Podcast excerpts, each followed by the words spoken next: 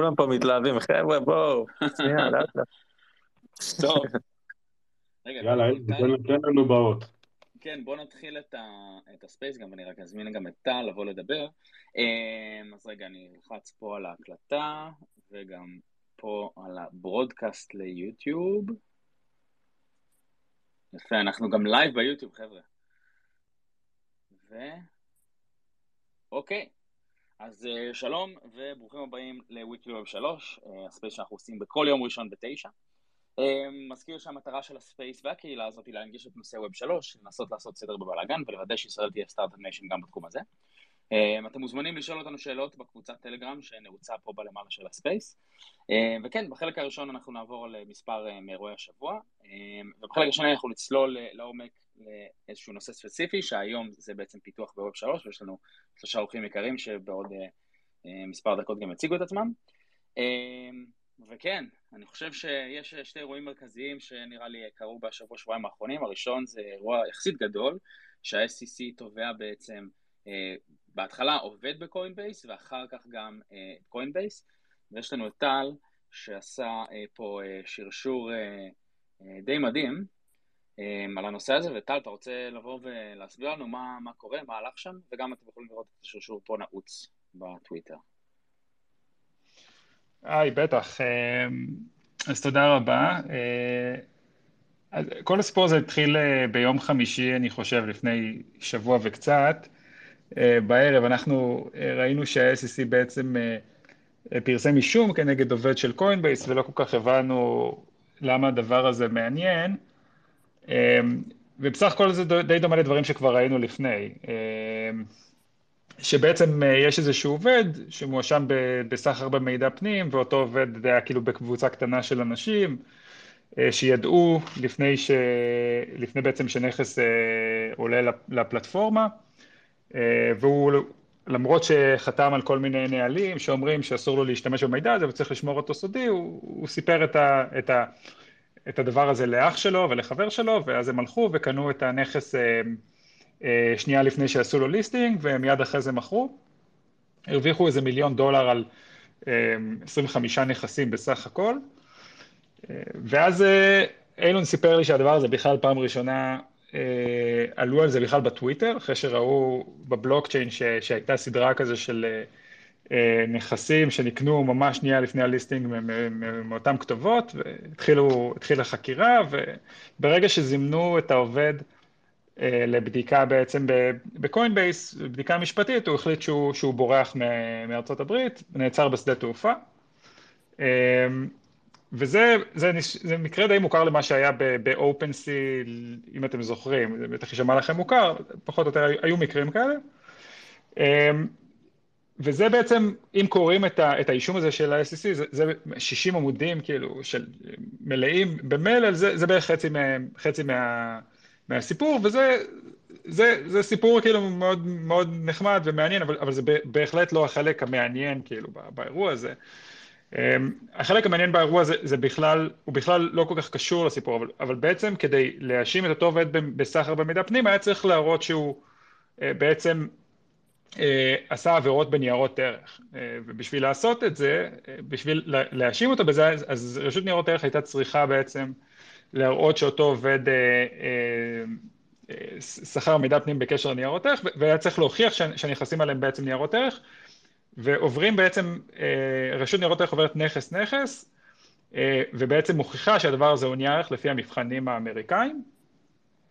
אה, וזה בערך 30 עמודים, מה-30 עמודים השניים של, של הקטע, וזה בכלל לא, לא הנושא, כלומר האישום הוא מול העובד, האישום הוא לא מול קוינבייס ולא מול, ה, מול הפרוטוקול, ו- ויש כאן איזשהו מהלך אה, מאוד מאוד ציני מצד ה-SEC, שהוא אה, בעצם במקרה הזה גם פוגע בקוינבייס, גם פוגע בפרוטוקול וגם גם בב- בבורסות אחרות, בעצם לא נותן להם גם שום אה, יכולת להתגונן כנגד האישום הזה.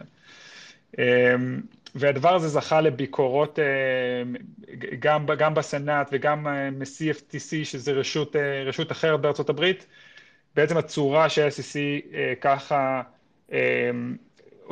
ככה בעצם אה, אה, מראה בעצם מה הרגולציה, כן? כי הוא מראה את זה דרך אכיפה ולא דרך הנחיות מסוימות, הוא אף פעם לא אמר מה הוא חושב שהוא לא נייר ערך, אלא תמיד כזה בצורה של אכיפה, תוקף חברה ואומר מה שהוא חושב, אבל אף פעם לא נתן guidelines מסודרים.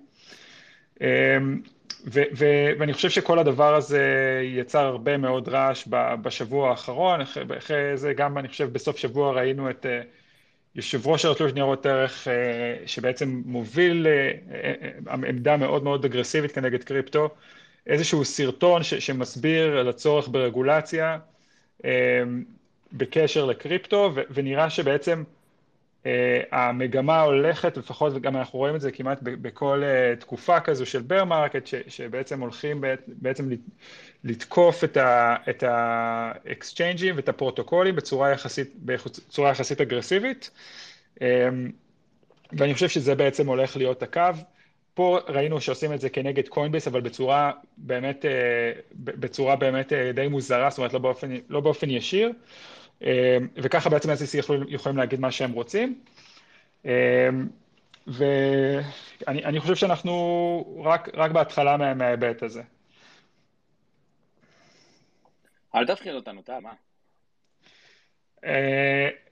אז אני חושב שגם בסופו של דבר, האישומים האלה נותנים לנו הרבה מאוד כלים לדעת איך לעשות דברים בצורה יותר טובה, ואני חושב שגם בסופו של דבר זה, בסופו של דבר, אני חושב שהבורסאות כמו קוינבייס זה דרך של הרגולטור בעצם להבין מה קורה, כן? הרגולטור מאוד צריך את קוינבייס, כי דרך קוינבייס, אם יש עבירות נגיד בהלבנת הון, אז הוא מקבל מידע. ולכן התקיפה של הבורסאות, כאילו הריכוזיות, בסופו של דבר, מה היא תעשה? או שהיא תוביל את כל הדברים האלה לצאת מארצות הברית, או שהיא תוביל את כל, את כל המפתחים לצאת לדברים יותר מבוזרים, ובסופו של דבר הרגולטור עושה כאן משהו שהוא פוגע בעצמו, ואני חושב שבסופו של דבר, כמו שראינו ב-2017, גם כאן אני מאמין שהתעשייה תהיה הרבה יותר חזקה אחרי זה, ודברים קצת ישתנו כדי להיות יותר מותאמים להנחיות חדשות, אני בכלל לא חושב שהדבר הזה יש לו איזשהו סיכון, כן יש מצב שיהיו עוד מקרים כאלה ואנחנו נראה את השוק מגיב בהתאם. כן, אני אוסיף איזה פרשנות אישית וספקולטיבית שלי בלבד, אבל יש פה גם אירוע שהוא נראה שהוא פוליטי, כמו שטל ציין, אז יש בעצם את ה-CFTC שהם הרשות שמפקחת על commodities, על סחורות. בעצם, אם אתם מסתכלים על רוב הנכסים שיש בארצות הברית, אז ניירות ערך יושבים תחת ה-SEC, ו commodities יושבים תחת ה-CFTC. ובעצם בגלל שקריפטו יש הרבה מאוד נכסים שהם סוג של היברידים, זאת אומרת חלק מהם יותר עונים להגדרה של commodities, חלק ניירות ערך, אולי, אז לא ברור, לא ברור בעצם החלוקה הזאת ביניהם. ואחרי שקרה המקרה עם קוינבייס, אז באופן די חריג, באותו ערב, בעצם המפקחת של ה-CFTC הוציאה מכתב, פרסמה אותו באינטרנט, שמדובר בצד חריג של ה-SEC, והיא מוקיעה אותו וכולי. ואנחנו רואים את המשחק הפוליטי הזה בין שתי רשויות אמריקאיות, שכאילו סוג של מתחרות על מי הולך לפקח על הדבר הזה. ואני רק אציין משהו אחרון, שבדיוק היום פרסמו לפני שעתיים, שדווקא בלונדון, באנגליה יש, נתנו להם המלצה בעצם להוציא, לבנות גוף חדש, שהוא לחלוטין יפקח על נכסים דיגיטליים, והוא לא יהיה לא SEC ולא CFTC, זאת אומרת רשות חדשה לחלוטין, שזה התפתחות מעניינת שקורית שם, ומעניין לראות אם עוד כמה שנים, זה מה שגם יקרה בארצות הברית, שיבינו שצריך בעצם רשות שלמה שפשוט לוקחת נכסים דיגיטליים תחת הכנף שלה. אני חושב שבאמת מה שיותר מעניין פה אפילו מהתוכן זה הצורה. כלומר, הניצול של המקרה הזה, זה משהו שבג"ץ בארץ הרבה פעמים עושה. בעצם הוא לוקח מקרה ומשתמש במה שנקרא אוביטר בשפה המשפטית, הוא בעצם על הדרך כבר מעיר על דברים שהם לא בהכרח רלוונטיים למקרה. הניצול של המקרה הזה כדי לנכס בעצם את, ה, את הסמכות של ה-SEC ולהודיע שבעצם כמעט כל הטוקנים שאנחנו מתייחסים אליהם לא כ securities הם securities, זה מהלך שבארצות הברית הוא יקבל pushback בניגוד לישראל, כי שם המאזן בין הרשויות הוא מאוד מאוד חשוב. נכון, אני רק אגיד אבל שבג"ץ בעצם, מה שנקרא אקטיביזם שיפוטי למיטב זיכרוני, בג"ץ הוא רשות שופטת. וה-SEC הוא רגולטור, זאת אומרת, יש הבדל בין בית משפט שעושה אקטיביזם שיפוטי ומייצר בעצם חקיקה גם דרך כאילו, וטל, תעזור לי פה אם אני מבלבל את המוח, אבל אבל לבין אה, רגולטור שעל ידי זה שהוא משתמש בעצם בסמכות שלו, הוא מנסה לייצר כאילו דה פקטו נורות התנהגות. אני מתנצל, אני לא רוצה להיכנס לדיון של בג"ץ, זה לא, לא מענייננו, אבל זה רק, זה רק האנלוג של שימוש באוביטר, שהוא מאוד נפוץ גם בצורה שבג"ץ עובד, הוא מאוד דומה למה שקורה פה. אה, אבל אה, נכון, זה סמכויות זה רשויות אחרות. אוקיי, סופר מעניין, וכאילו כמו שעידן אה, ציין כאן, אז יש כאן באמת את מה שקורה באנגליה, שנראה שמכל העולם מתקדמת הכי, הכי, הכי מהר, וגם הטרז'רי מיניסטרי של אנגליה לא מזמן הוציא NFTs, וכאילו מתקדמים בהרבה מאוד ורטיקלים. ויכול להיות שאנגליה תמשיך להיות אחד ה-financial centers הכי גדולים בעולם, אם הם, if they play their cards right. כן, אנגליה עשו מהלכים uh, מאוד יפים, הם לא הכי מתקדמים בעולם, הכי מתקדמים זה עדיין השוויצרים, uh, אבל האנגלים בהחלט, uh, למרות שלפני, ש... שאני הסתכלתי עליהם לפני שנה וחצי, הם היו מאוד מפגרים, הם עכשיו ממש במהלכים משמעותיים. זה, זה עדיין לא הכל אושר, כלומר, זה עדיין רק בתהליכים. בשוויץ כבר יש חקיקה מאוד סדורה לגבי קריפטו. כן. מדהים, טל, רצית להגיד משהו? לפני שאנחנו נמשיך לנושא הבא? Uh, לא, אני רק מקווה שבישראל אנחנו, למרות שישראל מאוד מאוד מפגרת uh, אחרי כולם, אנחנו נראה uh, שדברים נעשים קצת יותר שכל. אין סיכוי. כן, אז... נשאר לנו רק לקוות. כן, בישראל עדיין, בישראל עדיין אין רישיונות נש"ף. אנשים ממתינים 6-7 שנים, מי כמוכם יודעים. הנה, אז תראה, אז כל מה שקורה בקוינבס לא יכול לקרות פה. אתה אומר, זה כמו סטלין, כן? אין אנשים, אין בעיות. אין תעשייה, אין בעיות. כן, אין פה exchanges, אז כאילו, אני גם חשבתי, מה קורה אם דבר כזה קורה בישראל, אבל רגע, את מי יתקפו? את Bits of Gold, אבל אין שם כלום, אז כאילו, רק ביטקוין ואיתריום. כן. כן. כן, טוב, סופר מעניין, ואני מזכיר כאילו, אמ, נראה לי אחד הדברים החשובים למי שנכנס לתחום, ובמיוחד אה, לפתוח סטארט-אפ, זה להתייעץ עם עורך דין, להתייעץ עם יועצי מס, אמ, ולהבין אה, איך לנסות to navigate את כל ה... כן, את כל החוסר ודאות הזאת שיש כאן. אמ, אז כן, הדבר השני שרציתי לדבר עליו, אולי לפני שנמשיך לחלק המרכזי של, ה, של ה Space, אמ, זה בעצם על, על הירידה בווליומים של NFTs, שירדו, הם יורדים בערך בין 60 ל-80 אחוז כל חודש. אמ, וכן, volume של, של trading, אה, ונראה שיש קצת רגיעה שם. אמ, אני לא חושב שצריך לדבר על זה יותר מדי, אבל רק אה, משהו אה, לשים לב אליו, אני חושב ש-NFTs נמצאים היום באיפה ש-ICOs היו כזה באמצע 2017, או, או לקראת סוף 2017, ואני מאמין שעוד... סוף, סוף 18 אתה מתכוון. אוקיי, אמצע, כן, אמצע סוף 18. וכן, אני חושב שעוד שנתיים אנחנו נראה ככה דברים מאוד מאוד מעניינים יוצאים מתוך אה, כל התחום הזה של ה-NFTs, אחרי שיתנקה קצת מכל הרעש. אמ, וכן, טוב, אז אה, זה היה החלק הראשון שלנו, ולחלק השני יש לנו כאן אמ, פאנל מומחים של רועי אדם ויותם, שידברו איתנו קצת על, בעצם על פיתוח, על פיתוח בקריפטו, בווב 3, באיתריום. אמ, וכן, אז קודם כל נגיד, אני אגיד כמה מילים אה, בעצם על חוזים חכמים. אה, ההגדרה, ואדם, comfortable correcting me, אה, ההגדרה של smart contract היא בעצם נכתבה על ידי ניק זאבו בשנת 1994, אמ, והוא קרא לזה פשוט Computerized Transaction Protocol, שכאילו עושה execution לפי ה terms שהוגדרו לו. אה, בעצם אה, מין אה, חוזה אוטונומי כזה שעושה from A to Z. וכן, זה היה ההגדרה אז, והפוקוס של ניק זאבו גם שם היה על trust minimization. באותה תקופה ניק זאבו גם כנראה עבד על הגרסאות הראשונות של Bit Gold, שאולי זה הפריקרסור של ביטקוין, ויכול להיות שהוא גם עבד על ביטקוין בתקופה, באותה תקופה, אם זה אם הוא אחד מסטושי או סטושי עצמו, אנחנו לא, לא יודעים, אבל הוא בעצם הגה את, את הדבר הזה, ויטאלי כ-picked it up uh, quite a few years later, ובעצם זה הפך להיות אחד ה... Uh, מצד אחד גם Buzzwords, מצד, מצד שני גם אחד הנרטיבים והסיפורים הכי קלים להסביר uh, מה, מה זה בעצם, מה ההבדל בין ביטקוין לאיתריום, למרות שיש שיטענו שאפשר גם לבנות על ביטקוין חוזים חכמים עם מולטיסיקס ודברים כאלה. וכן, אז עם הפתיח הזה, אדם, רועי, יותם, אתם רוצים להציג את עצמכם? אפשר כזה לפי הסדר שאמרתי, סתם כי זה איך שאתם מופיעים. יאללה, בשמחה. אז אני אדם, במקור אקדמיה, דוקטורט בפיזיקה, בקריפטו מ-2013, בעיקר בצד הטכנולוגי. הייתי co-founder ב DAOstack, CTO ארבע שנים, מסוף 16, תחילת 17.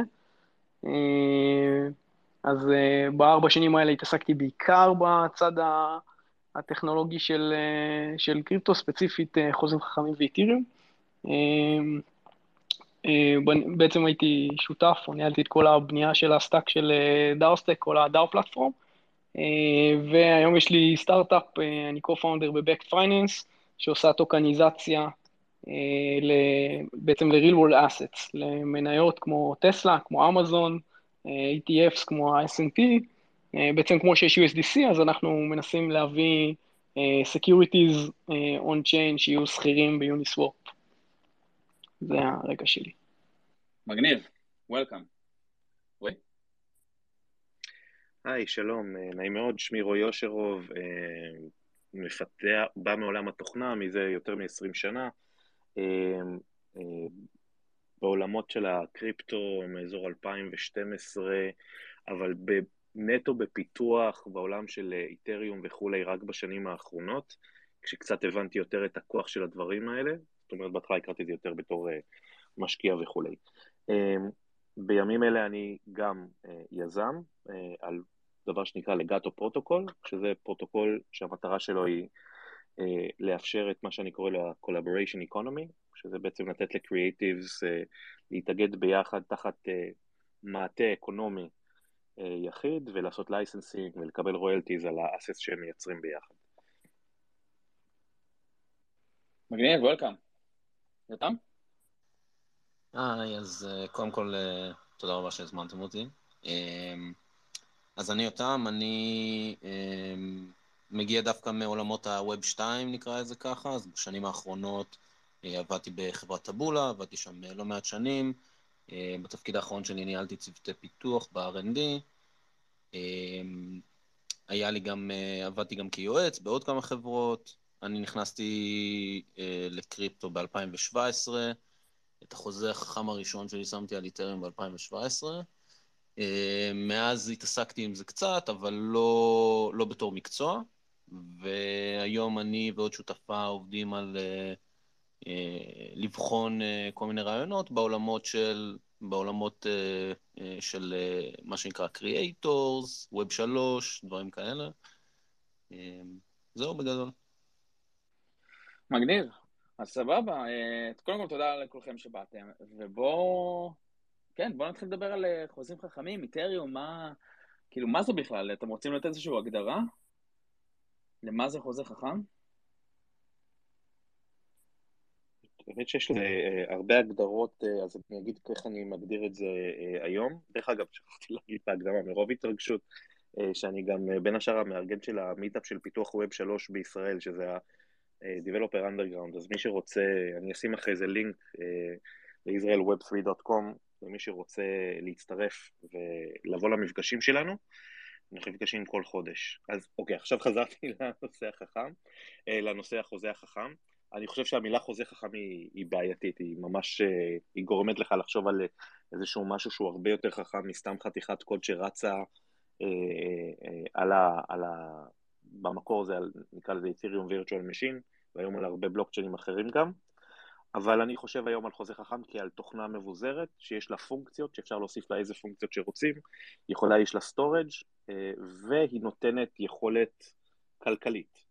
זאת אומרת, איזה סוג של אקסל מאוד חכם עם שדות שאפשר להגדיר, שיכול לשמור וגם לשלוח כסף, ואפשר להגדיר לו נוסחאות שמתעסקות בכסף הזה עם חוקים מאוד מאוד מסובכים בשפת קוד. ולכן להגיד חוזה חכם זה, זה סוג של פישוט, כי טכנית NFT הוא גם חוזה חכם, כמו שאווה ו lending protocol זה חוזים חכמים, אבל הסיבוכיות בין שניהם, ההבדל בין שניהם הוא שמיים וארץ. אז חתיכת קוד קטנה שרצה על הבלוקצ'יין, שאפשר להגדיר את ההתנהגות שלה באמצעות קוד. כן, האמת שזו הגדרה מאוד מאוד טובה, אם להיתלות באילנות גבוהים, אז אנדריאס פעם אמר שחוזים חכמים זה שם מפוצץ לתוכנות טיפשות. זה, זה, זה בעצם, באמת, זה באמת נכון. כלומר, חוזה חכם, שוב, זה מונח שהוא בא מאוד מהעולם התיאורטי שחיו בו החבר'ה של ניק זאבו ואלפיני, אבל בעולם הפרקטי שאנחנו חיים בו, אם רוצים להסביר לבן אדם טכנולוגי מה זה, אז באמת זו תוכנה מאוד מאוד מאוד פשוטה, כי, כי המכונה שמריצה את התוכנות האלה, ה-EVM לצורך העניין, מכונות מבוזרות בהגדרה הן מאוד מאוד יקרות והן מאוד מאוד איטיות. אז, אז זה, שוב, זו תוכנה פשוטה שיש לה יכולות לפעול, אם אני מתמקד רגע בסטייל EVM, אז לפעול בבלוקצ'יין כמו כל שחקן אחר, ובעצם אפשר לקודד בלוגיקה, לעשות קריאות לחוזים אחרים, שזה אומר להחזיק כסף, לסחור, NFTs, זה לא משנה. יש לה יכולת לפעול במרחב הבלוקצ'יין, רק שהיא פועלת מתוך קוד סגור, מה שנקרא code is law, ולכן אפשר לצפות ב-100% את ההתנהגות שלה אפריורי. וזה מאפשר לאנשים לעשות כמו הסכמים, או סוג של, מזה נובע המונח חוזה חכם, כן? זה בעצם, זה מגדיר היטב את התנאים של איך עובדים, ואף אחד לא יכול לשנות את התנאים בדיעבד. כן, מגניב. יותם, אתה רוצה להגיד משהו, או שאתה מסכים עם, ההגדרות? נראה לי שההגדרות מעולות. כן, אני מסכים שהן הגדרות מעולות. אז כן. אני לא בטוח אבל שההגדרה שאפשר לבוא ולהגיד, שאפשר לצפות את ההתנהגות שלה היא נכונה, מכיוון שטכנית הקוד הזה, לפחות ב-EVM הוא Turing complete, מה שאומר שטכנית לא ניתן לצפות את ההתנהגות של כל חתיכות הקוד. יש תוכנות היום שמנסות לעשות את הדברים האלה, ואפשר ברמה חלקית, אני כאילו ב-99% בנושא ניתן, הזה. ניתן לצפות לא במובן של, של בעיית עצירה ו Turing complete וכל מיני כאלה, במובן הזה ש, של, של דטרמיניזם, של בית משפט דטרמיניסטי. כן, מסכים. אוקיי, כן, בגדול, בגדול, בגדול, אם אני רק אוסיף אה, בקטנה על העניין של הדטרמיניסטיות, באיזשהו מקום אפשר לחשוב על חוזים חכמים כעל פונקציות שיודעות לקבל כפרמטר את כל ה state של הבלוקצ'יין, ולעשות איתו משהו ולהוציא state חדש, ובגלל זה הן דטרמיניסטיות. זאת אומרת, או, או יותר נכון, כשאנחנו מדברים על זה שהן דטרמיניסטיות, אנחנו מדברים על זה שחוזה חכם בהינתן state X, תמיד יוציא איזשהו output מסוים. זאת אומרת, לא יכול להיות שאני מעביר לאותה פונקציה את אותו state פעמיים, והיא נותנת לי שתי תוצאות שונות. זה השלב שאנחנו מאבדים חצי מהמאזינים שלנו. כן. אז אני רק, אז סבבה, אז בואו נמשיך אולי קצת לעוד כמה שאלות שיש לי. אני רוצה לחזור קצת אל העבר, אני פשוט ישבתי לקפה היום בבוקר עם מישהו שנמצא פה ב space, והוא אמר לי שהוא, שה stack של Ethereum והפיתוח על Ethereum הוא נוראי, ו- ethers.js הוא נוראי, וכאילו, שמאוד מאוד קשה לפתח על Ethereum. אז לפני שאנחנו נסביר למה קשה לפתח על Ethereum, אדם, רוצה לספר לנו קצת על, על ההתפתחות כאילו של פיתוח על Ethereum? כאילו... וואו, שב... האמת שזה, אתה יודע, זה לא נעים להגיד, אבל זה, זה, היום זה תותים, כן? כן. המצב היה, כשאני התחלתי לפתח את איתריום, זה היה סוף 16, והמצב היה מאוד מאוד גרוע, כן? כלומר, יכולת הדיבאגינג הייתה אפס, ממש. בקושי, אתם יודעים, אפילו הבלוקצ'יין, כאילו לוקאלי להריץ, זה, זה גם היה די חדש באותם זמנים, לבדוק את מה שאתה עושה. אז זה היה מאוד מאוד מאוד התחלתי. ממש הרגשנו, אתה יודע, מי ששמע או דיבר עם אנשים על איך שהיו כותבים קוד בשנות ה-80 או משהו כזה, ממש הרגשת ככה. זה באמת... וגם היום, שוב, אם משווים את זה לאיך שאנשים כותבים high-level JavaScript או דברים כאלה, אז, אז כמובן שהכלים היום הם עדיין מפגרים לעומת הפיתוח הרגיל שיש לנו. אבל השיפור הוא באמת מאוד מאוד מהיר ו- ו- ודי מדהים. אז הכלים היום הם כבר יחסית סבירים, והשיפור הוא מאוד מאוד מהיר. כן. סבבה, כן, כאילו, הפיתוח אז היה כאילו משמעותי יותר קשה, ואני חושב שכאילו היום יש המון המון כלים והרבה מאוד, בוא נקרא לזה אינפרה או אינפרסטרקצ'ר, שבעצם בא לעזור. כן, רק, רק, אם, רק אם נחשוב על זה שהיום, אתה יודע, אם אתה כותב dApp, אז היום אתה הרבה פעמים כבר לא צריך להשתמש ישירות ב-Web 3.js, כן, יש לך את כל ה-SDK מעליהם, כמו Alchemy API, כמו Moralis, כמו thirdweb, כאילו כל כך הרבה דברים שהם מקלים עליך ומנגישים לך, אפילו דברים טריוויאליים כמו לעשות אה, כאילו login, לא, login, כאילו לחבר את הארנק ל user שהיום אה, WalletConnect נהיה סטנדרט ויש לך WalletConnect mobile to mobile, כל הדברים האלה זה דברים שבהתחלה היינו כותבים ידנית, כאילו כל אחד היה כותב את ה connection שלו ל wallet אה, בעצמו באופן די מפגר, כן? אה, אבל זה מה שהיה. כן. אה, טוב, מגניב. אז בואו נצלול אולי טיפ טיפה, או ניגע כזה אולי קצת on the surface עדיין, אבל איך נראה ה stack של Ethereum? כאילו, אם אתם גם משווים את זה, כאילו, בוא נגיד לפיתוח בווב 2. מי שרוצה לדבר. אני, אני אשמח להגיד איזה מילה על זה, כי אני חושב ש, שאחד מהדברים הכי מעניינים בווב 3 לטעמי, זה העובדה שבעצם פיתוח של חוזים חכמים זה, זה מאוד uh, בלתי תלוי בהרבה, זאת אומרת, זאת אומרת, אתה יכול לכתוב חוזה חכם, לעשות לו דיפלוי לאיתרים, וכל זה בלי AWS, בלי uh, כל מיני אה, אה, מערכות אה, Continuous Delivery כאלה ואחרות, זאת אומרת, אתה יכול לעשות הכל מהמחשב שלך, להרים אותו על production, וגם להרים אה, dApp, שהוא בסך הכל עמוד HTML, כן? אה, מאוד מאוד פשוט מהבחינה הזאת. זאת אומרת, כדי להרים חוזים חכמים, לא צריך הרבה. לפחות ברמה הבסיסית. כמובן שמעבר לזה יש את כל הכלים שעוטפים, כמו הארד-הט למשל, אה, ומקודם הזכרנו את העניין של להרים נניח בלוקצ'יין לוקאלי ודברים כאלה, אז יש כלים שמאפשרים לעשות את זה. אני חושב שמבחינה הזאת, אבל לפחות כדי ל...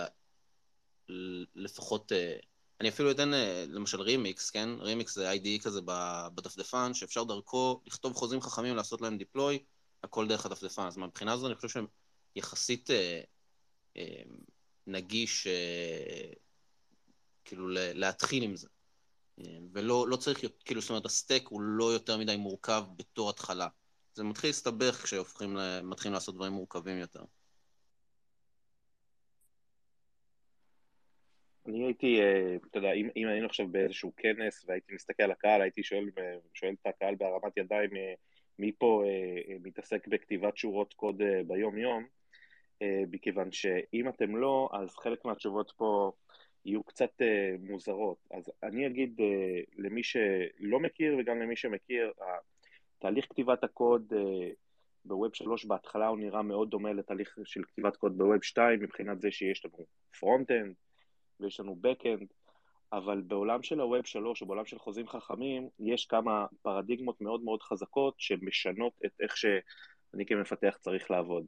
א', יש אה, פרדיגמה שלמה שמדברת על FAT Protocol ו-Thin Application, שזה אומר שמרבית ה-value של האפליקציה בכלל בא מהחוזה החכם, וה-Front-End ו-Centralized Databases וכל הדברים האלה מביאים הרבה פחות value, ואז הדיפרנציאציה בין, בין אפליקציות היא צריכה להיות הרבה יותר חזקה ומאוד שונה ממה שאנחנו מכירים ב web 2, שבו המטרה היא לשלוט במידע, בעולם של web 3 הרבה פעמים אנחנו, לפחות האתוס אמור להיות, הוא שאנחנו עושים deploy כדי לא לשלוט, אלא כדי, דווקא כדי לבזר וכדי לייצר ecosystem ים, פרוטוקולים ואינטגרציות עם דברים אחרים.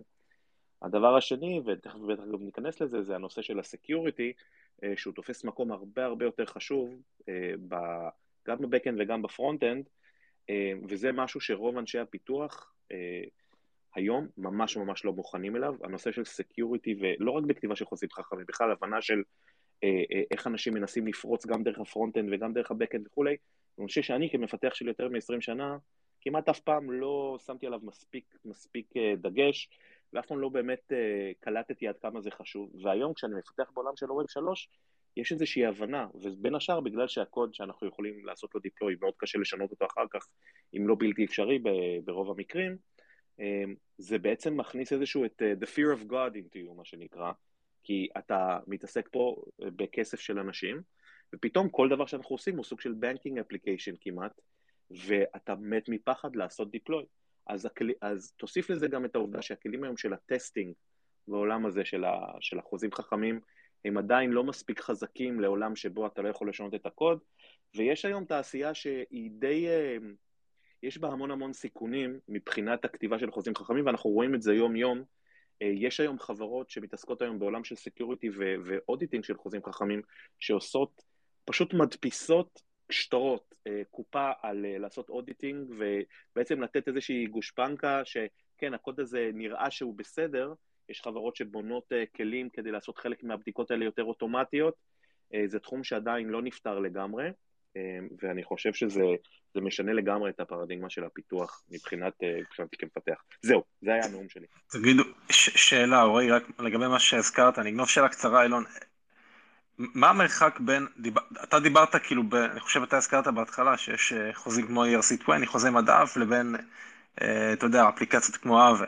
וגם זה חוזה חכם, מה המרחק ביניהם, כאילו, אתה יודע, להגיע למשהו כמו לפתח משהו כמו אב ויוניסוואפ, המרחק הזה, שאתה מנסה לבנות איזו אפליקציה מאוד מורכבת עם סדרה של חוזים שמדברים אחד עם השני וכולי. אה, אני אתן לך תשובה שהיא, שאולי לא צפויה, אבל אני אגיד שיש פה שני מרחקים. יש את המרחק בין מה שאתה רוצה לבנות לפונקציונליות, שהוא לא מרחק מאוד מאוד גדול, אה, אבל יש את המרחק בין מה שאתה כותב לבין זה שזה נפרץ, וזה מרחק מאוד קטן. זאת אומרת, אה, אתה יכול לכתוב את הקוד של ה-NFT הכי פשוט ולעשות לו, אפילו לקחת טמפלט ולשנות בו כמה דברים, והסיכוי שהכנסת איזשהו security problem הוא, אה, הוא, הוא בערך אותו סיכוי שהכנסת security problem גם אם כתבת את אבה מחדש. זאת אומרת, הסכנה של שיש חור ברצפה שאתה נופל דרכו, אה, הוא גבוה אה, כמעט באופן, לא, באופן שהוא לא יחסי לכמות הקוד שאתה כותב, אה, אלא, אלא לכמות הידע וההבנה שלך באיך אפשר לפרוץ לחוזים. טכנית, בתור מפתח, כשהסתכלתי בפעם הראשונה על חוזים חכמים והסתכלתי על איך נראה סולידיטי וכולי, זה נראה כמו שפת צעצוע, זה נראה מאוד מאוד פשוט. הפרדיגמה של איך זה באמת עובד מלמטה היא, היא, היא פרד, פרדיגמה שהיא יותר דומה לדאטאבייסים מאשר כל דבר אחר. אה, וזה לקח זמן ללמוד את זה. זה לא מסובך לבנות את אבי אבי, זה מסובך לבדוק את אבי. בוא נגיד את זה ככה. אני רוצה להתחבר רגע למה שרועי אמר, וזה אולי, אתה יודע, לי, אם אני רוצה שאנשים יקצו עם מסר אחד מהספייס הזה, זה זה. סולידיטי uh, אולי uh, זה אחד הדברים שהכי קידמו את איתיריום, באמת. העניין שמפתח, uh, שבא מכל דבר אחר, יכול להסתכל על, חוזה חם ולהגיד, אה, אני מבין את זה, זה פשוט. אה, אני גם יכול לכתוב כזה, מצד אחד זה גרם לזה שבאמת איתירו מתפתח נורא נורא מהר, כי זה, כי זה הביא הרבה אנשים, מצד שני זה אסון, כי, כי זה שאתה יודע לקרוא את זה, לא אומר שאתה יודע לכתוב את זה. אה, יש באמת אה, חוסר הבנה שאנשים שבאים, ואם מישהו פה בקהל רוצה להפוך לפתח בלוקצ'יין, זה לא ללמוד סולידיטי. כאילו, תדחו את הלימוד של הסולידיטי כמה שיותר רחוק. זה באמת באמת לא גישה טובה. אה, כי אתם כותבים קוד שאתם לא, אנשים פשוט כותבים קוד והם לא מבינים איפה הוא רץ ואיך הוא רץ. אה, זה קצת מישהו יצא לו לעבור בין פיתוח סריאלי לפיתוח מקבילי, אה, לכתוב קוד פרללי, זה עולם אחר. אם אתה לא מבין איך המכונה שאתה, שאתה כותב עליה את הקוד רצה, אתה בבעיה. אז מי שרוצה לכתוב חוזים חכמים, קודם כל ללמוד קונצנזוס, להבין ביטקוין, להבין איך הדברים עובדים, להבין את ה-EVM, אה, לא לעומק, אבל רק לקבל איזושהי טעימה, ואז ללכת לסולידיטי, כי אחרת זה באמת, אה, זה כמו לתת אה, מכונת ירייה לקוף, תסלחו לי על ה... זה באמת, הסיכוי ש, ש, שאתם לא תייצרו באגים הוא מאוד מאוד נמוך. וגם, וגם אחרי שאתם נכנסים לסולידיטי, אז ללכת, יש, יש ריפוזיטוריז מאוד מאוד טובים, שמסכמים uh, known uh, bugs ו-security issues באתיריום, זה מאוד מאוד חשוב לא לחזור על שגיאות, uh, שלמדנו אותם, uh, מה שנקרא, ב, בדם, יזע ודמעות, אה, אה, ובאמת אה, אין מה לעשות. זו מכונה שאנחנו פורסים אליה את הקוד, הקוד הוא, הוא לא ניתן לשינוי ברוב הפעמים, ואנחנו עדיין לומדים את הדבר הזה, והסיכוי לעשות טעויות, כמו שרועי אמר, אפילו בחוזים קצרים, הסיכוי לעשות טעויות הוא מאוד מאוד גדול. אז בבקשה כן. בזהירות. וטעות שמחזיקה, כשזה משהו שמחזיק כסף, עולה המון. כן, יותם, רצית להגיד משהו? כן, אני, אני רק uh, חייב להגיב, ואולי uh, פה להיכנס uh, לתפקיד הרשע שאני משחק, uh, ואני חייב להגיד פשוט שזה... אדם, אתה אומר ל, ל, ל, לאנשים, זאת אומרת, uh, אל תלכו ללמוד סולידיטי, קודם תלמדו את הבסיס, קודם תלמדו את זה, את זה, את זה. אני לא חושב שאף אחד אי פעם שרצה ללמוד Java, קודם כל, הלך ולמד איך ה-JVM עובד. זה לא אמור לעניין אותם. זה לא אמור... זאת אומרת, זה, זה, אני אפילו הייתי אומר, זה נראה לי לא הגיוני שזה מה שאנחנו דורשים מאנשים. אני כן מסכים לחלוטין עם זה שזה נחוץ היום. זאת אומרת, אני חושב שהיום אם מישהו ילך וינסה לכתוב Solidity בלי להבין מה זה בלוקצ'יין ומה זה אומר ש database הוא decentralized, שהוא משוכפל בהרבה מקומות, ומה זה RPC node וכל הדברים האלה, אני מסכים שזה דרוש היום, אבל אני חושב שזה ממש נורא. אני חושב שזאת גם אחת, אחת מה, אחד מהדברים ש, שהכי פוגעים בתחום הזה היום, שנורא נורא נורא קשה להיכנס לתחום. אני תמיד משווה, כולם אומרים, אה, משווים את ווב 3 לתחילת ימי האינטרנט וזה, ואני תמיד אומר, האינטרנט היה שונה לחלוטין, כי כל אחד יכל ללכת ולכתוב HTML, שזו הייתה שפה מאוד מאוד פשוטה, ולהרים אתר. כל אחד יכל לעשות את זה. בשנות ה-90 היה אה, אה, את אה, GeoCities, וכל בן אדם יכל להרים לעצמו אתר, ו... ובווב 3 אין לנו את זה עדיין, סליחה, ו... ואני חושב שזה נורא חבל, אני חושב ש... שזה היה יכול להיות לנו, אם היינו מתמקדים בלפתור את הדברים האלה, ובעצם מה שאני רוצה להגיד זה ש... שאנחנו לא צריכים להגיד לאנשים, אתם צריכים קודם כל ללכת וללמוד את הדברים האלה, אלא אנחנו צריכים לבנות את הכלים ואת התשתיות שלא יצריכו ללכת וללמוד מה זה ה-EVM ואיך הוא עובד, או מה זה Decentralization וכל הדברים האלה. כי אחרת אנחנו לא נצליח להתקדם. זו דעתי.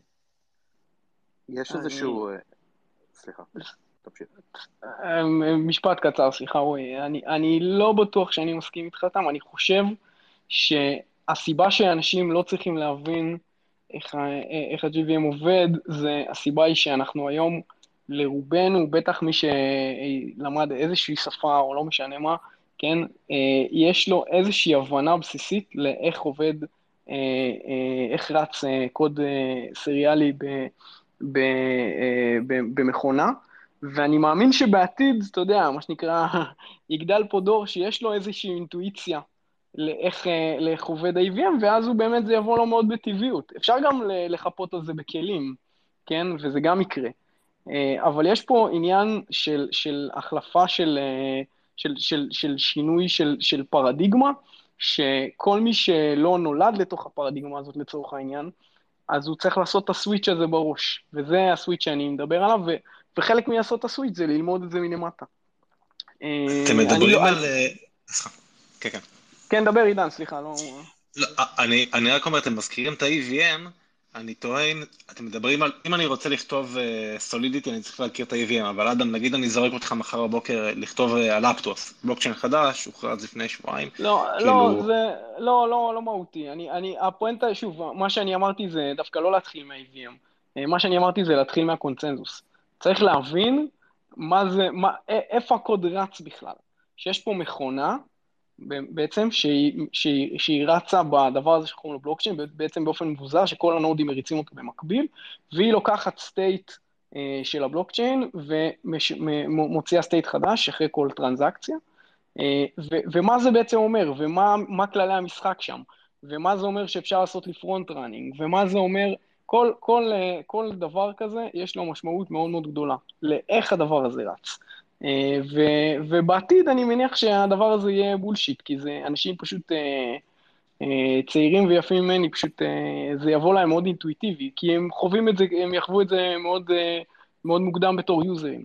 אבל מי שעושה את ה switch הזה, מתכנות סריאלי לתכנות בלוקצ'יין, הוא חייב להיות מאוד מאוד זהיר. בדיוק כמו, אם לתת דוגמה אחרת, אז היום יש תכנות קוונטי. אני לא יודע אם אתם מכירים, אבל זה, זה פשוט פרדיגמה אחרת. כאילו, אתה לא יכול לתכנת קוונטי אם אתה לא מבין לוגיקה קוונטית ואין לך קצת הבנה במכניקה קוונטית. זה פשוט בלתי אפשרי. והקושי בסולידיטי זה שזה פשוט נראה פשוט.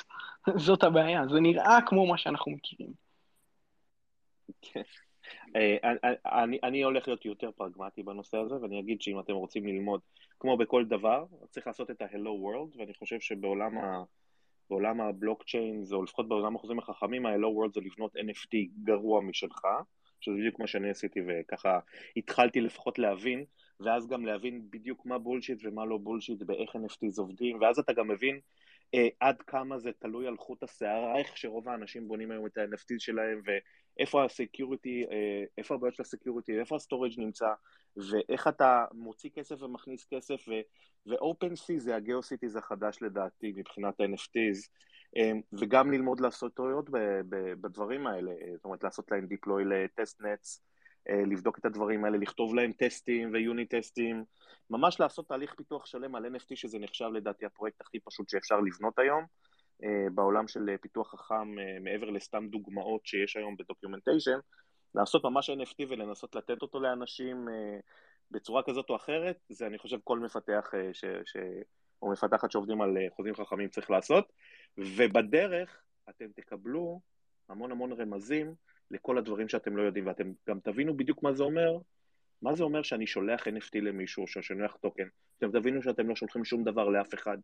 אתם פשוט רושמים איזושהי רשומה, איזשהו משתנה, תקראו לזה השמפ הכי פשוט שיכול להיות, ורושמים שמשהו, או שמשהו שייך למישהו באיזשהו משתנה, זה נקרא שליחה.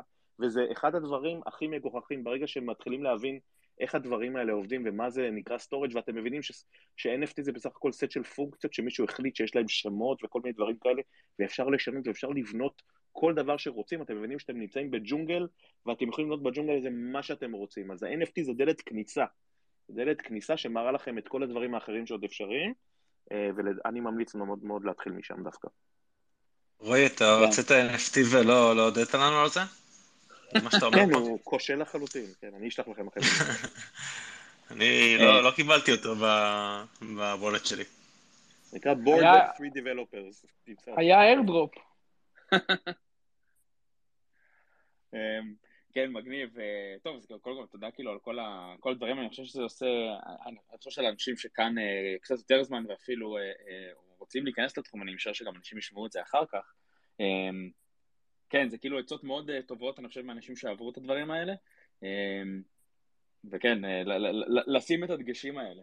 אני רוצה לקפוץ לה, אולי לשאלה הבאה, לדיון שלנו, שגם היה קצת ב, בעצם בקבוצת טלגרם, um, של... Uh, דיברנו קצת על, על כתיבת חוזים חכמים, ואז בדרך כלל השפה, במיוחד, ה, בוא נגיד אצל הביטקוינרים, זה שדברים ברגע שהם על הבלוקצ'יין הם אימיוטבול.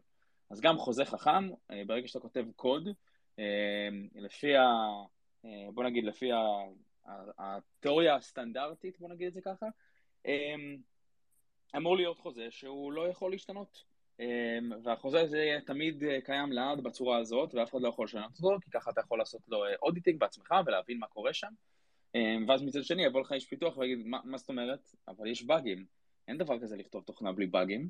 אמ, אני חייב אה, למצוא דרך לעדכן אותו. אבל רגע, זה נגד הקונספציה של הבלוקצ'יין. אמ, אז כן, אני חושב שהיה לנו דיון כזה קצרצר בקבוצת טלגרם, ויאללה, בוא נמשיך אותו. יש כאן, אני חושב שיש כאן כמה דעות מנוגדות. אמ, אז כן. מאיפה הדיון התחיל בעצם? אתה הזכרת שהיה איזשהו משהו שנפרץ, או שהיה משהו ש-upgradable? אני לא זוכר בדיוק אני, אני חושב ש, שזה התחיל בגלל שעידן אמר משהו על החוזים של יוניסוואפ שהם upgradable, ואז אני אמרתי, רגע, הם לא. אה, וכל פעם שיוניסוואפ משחררת גרסה חדשה, אז הם מעדכנים, שמים חוזים חדשים ואומרים לכולם לעשות מיגרציה, ואז, אבל חלק מהחוזים של יוניסוואפ הם כן upgradable, אבל לא ה-core contract, אז כאילו יש כאן אה, איזשהו עניין מאוד מעניין. אה, אני חושב שזה קשור לארכיטקטורה, ואולי אדם, אתה רוצה לדבר על זה, ארכיטקטורה של איך אתה בונה סדרה של חוזים חכמים שהם מתממשקים אחד עם השני, ואתה רוצה את חלקם לעדכן וחלקם צריכים להיות מיוטבול לעד. טוב, אז קודם אולי כדאי אה, להסביר מה, כן, מה זה אומר, ו... אז, אז באופן כללי כל, כל חוזה הוא אימיוטבול, כן? כלומר, בהינתן זה שמישהו עשה דיפלוי לקוד, אה, תמיד הקוד הזה אה, יישאר שם. אז, אז, אבל, אבל מה עדיין, מה שנקרא, יהודים צריכים לחיות, ו, ואנשים רצו כן לאפשר שינוי של קוד, אז נמצאה ארכיטקטורה, זה היה בסוף. סוף 17 אולי, תחילת 18. נמצאה ארכיטקטורה שנקראת proxy contract, שיש לו logic contract, שבעצם אה, אומר שנגיד שהחוזה שלי, נגיד שזה חוזה טוקן, לא משנה, נגיד שהוא יושב בכתובת מסוימת, בכתובת X, אבל בעצם החוזה הזה, הקוד שנמצא בו, הוא רק שכל פעם שמגיעה טרנזקציה, הוא מבצע קוד שנמצא בכתובת Y. זה מה שכתוב בקוד של כתובת X, כל פעם שמגיע משהו, תבצע אה, לוגיקה שנמצאת בכתובת Y. זה נקרא פרוקסי. אה, ויש אה, בעצם אופ קוד ב-EVM שמאפשר לעשות את זה, שנקרא Delegate Call, הפרטים לא באמת משנים. ו, ובעצם ברגע שהבינו את הדבר הזה, את הפרוקסי הזה, אז אמרו, אוקיי, אז אפשר כבר לייצר upgradable proxy, אפשר שהקוד בכתובת X יהיה ככה שעכשיו אה, אה, כל קריאה תפנה לכתובת Y, אבל בעתיד אולי אנחנו אה, יכולים, יכול לבוא האדמין של כתובת X, כן, אדמין זה אומר שזה חלק מה, מה, מהלוגיקה בכתובת X, אין באמת אדמין לחוזים, שהוא יכול, יש לו את האפשרות לשנות את ה storage שלאן ה pointer הזה מצביע, ואז החוזה, הלוגיקה במקום לשבת בכתובת Y תשב בכתובת Z. וזה נותן לנו בעצם את ה... נקרא לזה את, ה, את התופעה, כאילו אני שיניתי את הקוד של החוזה, למרות שכמובן חוזה עצמו, אה, הקוד שלו הוא immutable. אה, אז, אז, אז זה, זה ככה הסבר קצר למה זה proxy, אני מקווה שהייתי בהיר, אני לא בטוח. אה, ו, וצריך גם להבדיל בין, בין שימוש ב proxies ל upgradable proxies. למשל, Uniswap הוא עובד בצורה של proxies. אבל לא כדי לעדכן את הקוד, אלא פשוט כדי לחסוך אה, בקוד, בללכלך את הבלוקצ'יין. תחשבי שב Uniswap יש הרבה מאוד חוזים של pairs, כל אה, חוזה, נגיד Ether USDC זה, זה חוזה, אה, ו Ether USDT זה גם חוזה. אז במקום שכל חוזה כזה יכיל את כל הקוד, אז בעצם כל חוזה כזה הוא proxy שמצביע אה, ללוגיקה של Uniswap V2 לצורך העניין, או V3, ולכן אה, הקוד, הקוד שכל פעם צריך לעשות לו deploy כשעושים pair אה, חדש הוא מאוד מאוד קטן. זה רק הקוד של ה pointer, של ה proxy. אז זה שימוש ב proxy רק כדי לחסוך בגז, והשימוש ב proxy כדי לעדכן את הקוד, מה שנקרא upgradable proxy, זה שימוש שמצד אחד אה, יש לו הרבה יתרונות, כמו שאמרתם, כן, אה, אולי אפשר בעתיד אה, לעדכן את, ה, לעדכן את הקוד אם יש איזה באג, מצד שני יש לו הרבה חסרונות, כי עכשיו מי שולט, בעצם צריך להחליט מי שולט ב, ב, ב-switch הזה, ואם זה, זה משהו ריכוזי, אז, אז בעצם, אז למה טוב כל ה-decentralization הזה, אם, אם, אם אנחנו לא יכולים לשלוט בו, מה שנקרא פרפרזה, אז... אז אני חייב להגיד רק אולי במילה את דע, דעתי ש-upgradable proxy יש להם מקום בעולם. דוגמה אחת שאני יכול לתת זה upgradable proxy שנשלט על ידי DAO, שזה היום כמעט סטנדרט. בעצם אנחנו אוקיי, יש פה איזה ארגון מבוזר, יש פה איזה DAO, כן, ויש לו, נגיד שיש לו ה-DAO של יוניסוופ, סתם דוגמה. יוניסוופ, אגב, זה כמו שאמרת, אילון, זה לא, אי אפשר לעדכן את החוזים באמצע, כל פעם שזה צריך לעשות מיגרציה. אבל בואו נגיד שהם היו רוצים ש, שכל פעם, שרק הדר יכול לשלוט בעדכון של, ה, של, ה, של הקוד. אז זה יחסית uh, מבוזר, uh, זה אחד. ועוד uh, משהו שצריך לזכור, שהבלוקצ'יין בעצם מאפשר לנו להכניס הרבה מאוד uh, חסמים על דברים. למשל, אפשר להגיד שאפשר לעדכן את הקוד, אבל יש buffer של שלושה חודשים. זה משהו שקל מאוד uh, ל- ל- ל- לעשות לו אימפלמנטציה בבלוקצ'יין. אפשר לשאול כמה זה כבר שימושי, כי אם מצאו באג, שלושה חודשים כבר מישהו ינצל את הבאג, אבל אולי זה באג קטן. יש, יש הרבה מאוד סיבות. יש גם הרבה מאוד סיבות לעשות חוזים שהם בלי, שהם immutable uh, לגמרי ובלי proxy בכלל. Uh, אני חושב שזה per use case. צריך להבין מה ה-use case. Uh, באופן כללי אני תומך גדול של proxies uh, כדי לחסוך בגז, כן, proxies ו-factories כאלה, כמו ביוניסוואפ. upgradable proxies זה באמת צריך להיות רק איפה, ש... איפה שיש לזה משמעות. אני, אני אוסיף את דעתי, שנראה שגם נגעתי בזה קצת בטלגרם, שאני חושב שיש פה, בבסיס יש פה איזשהו מין דיון פילוסופי יותר מאשר דיון טכנולוגי, כי ברמה הטכנולוגית, לאפשר אימיוטביליטי, אה, לאפשר מיוטביליטי על הבלוקצ'יין זה, אה, זה אפשרי. ואני גם אגיד יותר מזה, גם אמרנו מקודם, אה, אדם, נראה לי אתה אמרת ש... שהחוזה הוא אימיוטבל, אבל זה לא מדויק, כי רק הקוד של החוזה הוא אימיוטבל, אבל הסטייט של החוזה הוא מיוטבל. וגם עידן הזכיר את זה לדעתי בטלגרם, בעצם בסופו של דבר, במיוחד כשאנחנו מדברים על, על מכונות שהן Turing complete, בסופו של דבר, אם ה-state שלי הוא mutable, אז, אז גם הקוד, הוא, זה שקול לזה שהקוד הוא mutable, כי אני תמיד יכול להחזיק המון משתנים שמגדירים בדיוק מה הקוד צריך לעשות, ואז אני יכול לשנות אותם. אמ, אז אני, אני באיזשהו מקום, אני מרגיש שהעניין של ה-immutability הוא בעצם היה קצת מיותר, כי, כי אנחנו מצאנו דרכים לעקוף את זה, רק שהדרכים האלה הן, הן מאטות אותנו, והן מסובכות, והן יכולות להכיל באגים, אה, ודרך אגב, הן עדיין לא מושלמות, כי אם מישהו מגלה באג בקוד של הפרוקסי, אז את הפרוקסי עצמו אי אפשר לעדכן.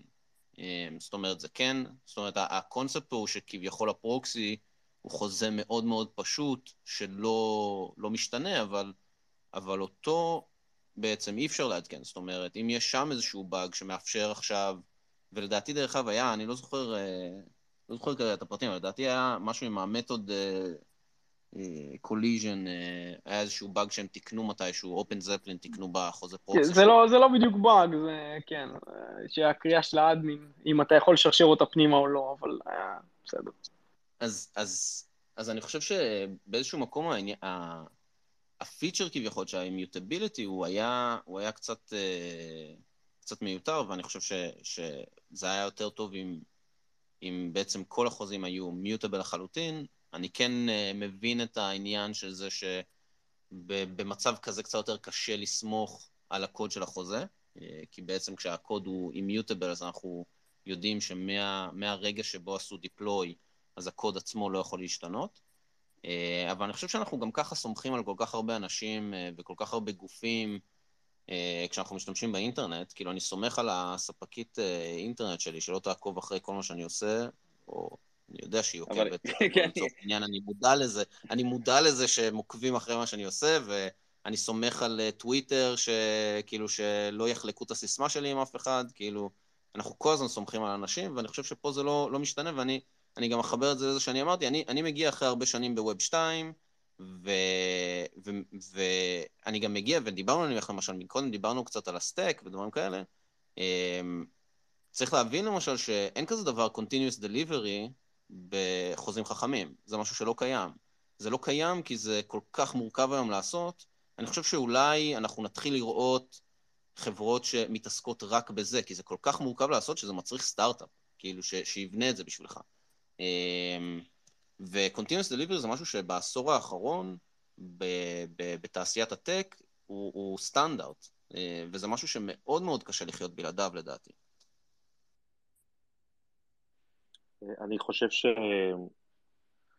אני חושב שבגדול upgradability, אמ, אם אנחנו מנסים רגע לממש את האתוס של Web 3, אז הוא anti pattern בגדול, זאת אומרת רוב המקרים, כמו כל דבר יש יוצא מן הכלל, אבל um, by default, אם אנחנו לוקחים את העולם של ווב 2, נקרא לזה את ה-traditional, כמו שעשינו בטרדפיי, וכמו שעשינו בפיתוח, ואנחנו מנסים לממש ולקחת את אותם ערכים ואותם רעיונות של צנטרליזציה, אה, ושליטה אה, אה, ושמים אותו בעולם של ווב 3, אז אנחנו גם ניתקל בבעיות של העולם של ווב 2 שם, ואחד הדברים שאני חושב זה שעולם של ווב 3 בכוונה אמור להיות שונה, זאת אומרת, אולי כן שווה לשנות את הפרדיגמות, ואולי באמת Continuous Delivery, שדרך אגב, שזה משהו שאני מאוד מאמין בו, Continuous Delivery ו-Test Driven Development וכולי, ויכול להיות שאנחנו צריכים למצוא כלים אחרים ודרכים אחרות לפתח בעולם הזה, אם המנטרה של העולם הזה היא שאתה לא סומך על אף אחד מלבד על הקוד,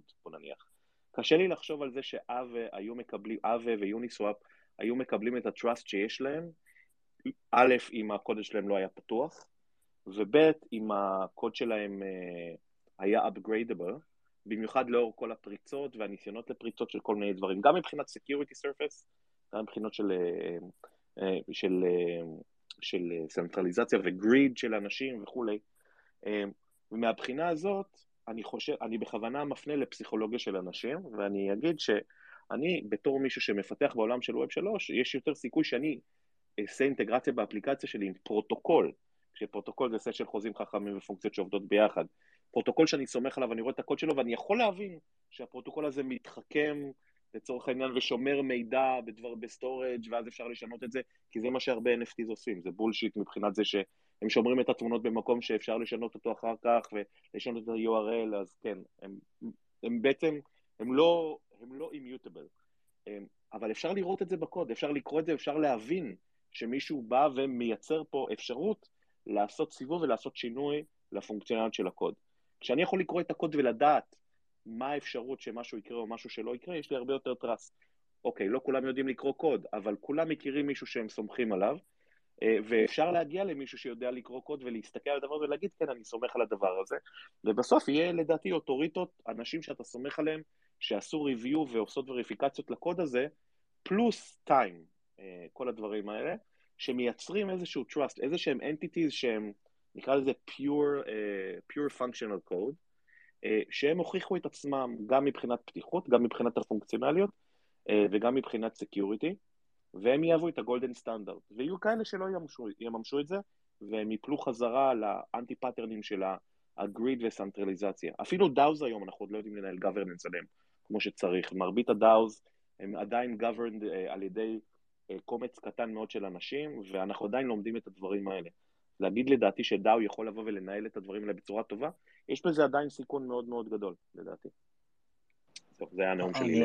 אני...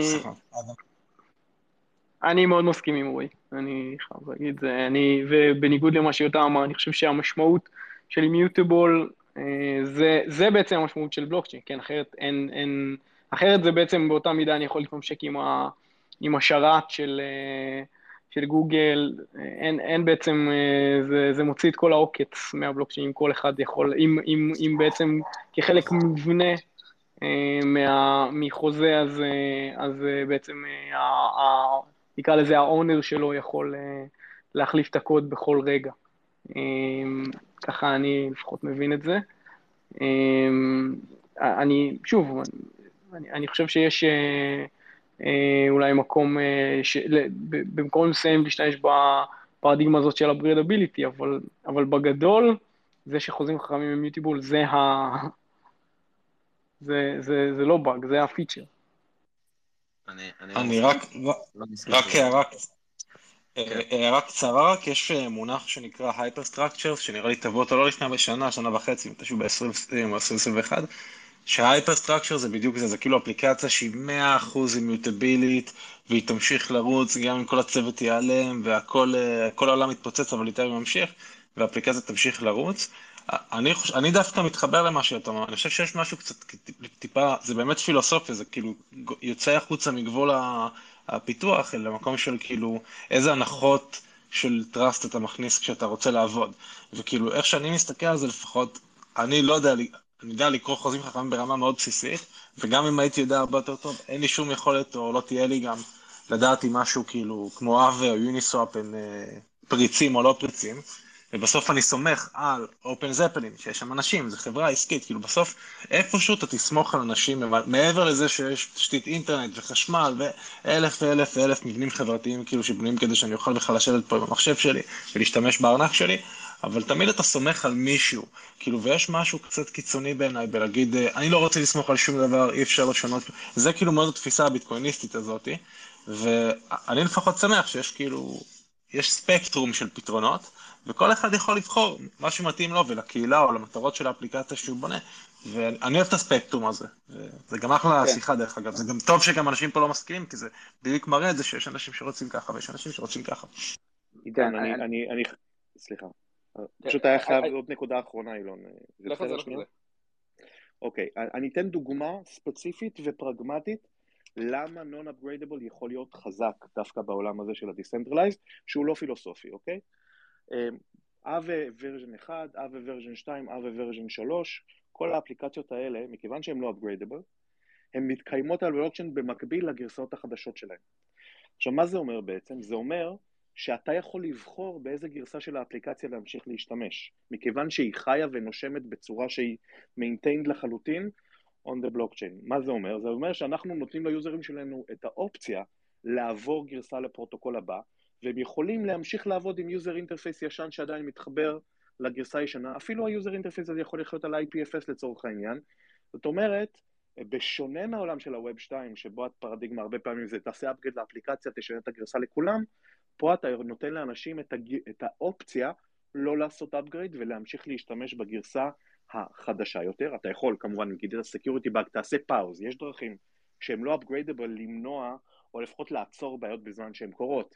אבל בהנחה שאין בעיה ואתה סתם רוצה לעשות upgrade כדי להוסיף פונקציונליות, תסתכל על פול טוגדר V4, ש-V3 ו-V2, V1 עדיין מתקיימים על הבלוקצ'יין ככל הידוע לי, ויש לך כן, פה מקרה use case מאוד. חזק. כן. כן, כן, זה use case מאוד גם- מאוד חזק שהוא ספציפית לא קשור לפילוסופיה. כן. אז אני, אני, אגיד, כמה דברים על זה. אז אחד, גם האב וגם uh, כל הדברים האחרים שהזכרת, זה הכל טוב ויפה עד שיגלו שם פרצה ויגנבו את כל הכסף, ואז כולם יגידו, אה, חבל, וזה בדיעבד. ו, אבל גם אני אגיד, אתה מדבר על כל גרסה, תחשוב על זה, היום חברות טכנולוגיה עובדות בשיטה שבה בטבולה לצורך העניין אנחנו שחררנו גרסה בערך 20 פעם ביום, אוקיי? זה אומר שאם אתה רוצה לפתח, לעבוד באותן פרדיגמות, באותן מתודולוגיות, של חברות טכנולוגיה, כמו שהן עובדות היום, זה אומר שאתה תוציא גרסה של חוזה 20 פעם ביום, יהיו לך גרסה לא V1, 2, 3, אלא יהיו לך גרסה מיליון תוך, אה, אה, אתה יודע, לא, לא יותר מדי זמן. אולי מיליון הגזמתי, אבל תהיה לך גרסה אלף די מהר. אז אני חושב שבאיזשהו מקום, אני, אני, מבין את ה, אני מבין את המקום שממנו אתם מגיעים, ונכון, זה מאוד, הרעיון של is law הוא מאוד מאוד חזק, אבל הוא תיאורטי. והוא, והוא לטעמי הוא פנטזיה. זאת אומרת, אני גם הייתי רוצה לחיות בעולם שבו אני יכול לכתוב קוד שאין בו באגים והכל עובד טוב ואי אפשר לשנות את זה וכולם יכולים לסמוך על זה, אבל המציאות היא לא כזאת. ואם אנחנו רוצים להיות מסוגלים לבנות ביזנס שהוא ביזנס משמעותי, אם אני רוצה להיות פייסבוק ואני רוצה שלושה מיליארד uh, משתמשים, שלושה מיליארד אנשים לא יודעים לקרוא קוד, אף אחד מהם גם לא יטרח לקרוא את הקוד, אפילו אם חלק, אפילו אלה שיודעים לא יטרחו לקרוא את הקוד, וגם בינינו, את המשתמשים האלה זה לא מעניין, זה פשוט לא מעניין אותם שהקוד הוא אימיוטבילי או לא אימיוטבילי. מה שבסופו של דבר מעניין אותם, זה האם המוצר שאנחנו בונים להם הוא מוצר טוב, האם זה פותר להם איזושהי בעיה, האם נותן להם איזשהו ערך. זה הדבר היחידי שמעניין את המשתמשים בסופו של דבר. אני מבין מהפרספקטיבה בתור uh, מהנדסים, אני מבין את הכיוון של, uh, של הפיוריטי נקרא לזה ככה, כן? ושל זה שאנחנו רוצים ש... שדברים יהיו, אה, אה, נקרא לזה, דטרמיניסטיים, ו- ושאנחנו כולנו יכולים לדעת מה, הם, אה, אה, מה הולך לקרות כשאני אה, מריץ איזושהי פונקציה. אבל שוב אני חושב שבסופו של דבר במציאות זה לא יעבוד. אנחנו נהיה חייבים, אנחנו נהיה חייבים למצוא איזושהי דרך שבה כן אפשר, כן אפשר בעצם לעבוד בצורה שהיא, אני אגיד אה, מילה שנואה, אוקיי? אבל בצורה אג'ילית, אוקיי? כמו שאנחנו יודעים לעבוד בהייטק. אמ, ו- והיום זה פשוט בלתי אפשרי. היום, היום לדעתי זה, זה פשוט בלתי אפשרי לעבוד ככה. זאת אומרת, היום חברות שמפתחות חוזים חכמים עובדות, צריכות להמציא לעצמן כל מיני פרדיגמות חדשות של עבודה, אה, מתודולוגיות עבודה חדשות, שהן הן לא, לא תואמות לאיך שאנחנו רגילים מהעולם של Web 2 לצורך העניין, לעבוד. אז יותם, אני שאלה רק, מה, מה היתרון של אה, חוזה שעובד על הבלוקצ'יין, אם בסופו של דבר יש דמות מסוימת שיכולה כל הזמן לעצב את ההסכם הזה? אז, אז דרך אגב, זה גם מחזיר אותי למה שרציתי להגיד, מה שאדם אמר, ש... זאת אומרת, להגיד שאימיוטביליטי זה כל מה שבלוקצ'יין נותן לך, לדעתי זו טעות, כי אני חושב שבלוקצ'יין, בעצם מה שהוא נותן לך זה... בלוקצ'יין, כל המהות שלו זה, זה שאנשים יכולים לקבל rewards בתמורה לזה שהם שומרים על database uh, מסוים מסונכרן ביניהם, אוקיי? בסופו של דבר, כל ה-nodeים של ביטקוין או איתריום וכו', מה שהם עושים זה שהם מחזיקים איזשהו database, ואדם מקודם הזכיר את הקונצנזוס, כשבסופו של דבר המטרה זה לוודא שלכולם יש את אותו state. אוקיי? כאילו זה כל הקונספט, של, זה כאילו מה שהופך את המערכת ל-decentralized, זאת אומרת, כולם מחזיקים עותק של ה-database, וכדי שאנחנו נוכל לוודא, יש איזשהו, איזשהו אה, נקרא איזה, איזשהו טריק שעוזר לנו לוודא שלכולם יש את אותו עותק של ה-database, אה, ואצל כולם הוא אותו דבר בדיוק. ובתמורה לזה אתה מקבל מטבעות. עכשיו, השאלה של האם יש לזה ערך לשמור database כזה או לא, זאת שאלה אחרת, אה, וזה המהות של הדיון של האם למטבעות אה, קריפטוגרפיים יש איזשהו ערך. אה, אבל אני חושב שזה לא נכון להגיד ש-immutability זה הדבר... אני מדבר על חוזים חכמים בפרט, לא על באופן כללי אז... היתרון של הבלוקצ'יין.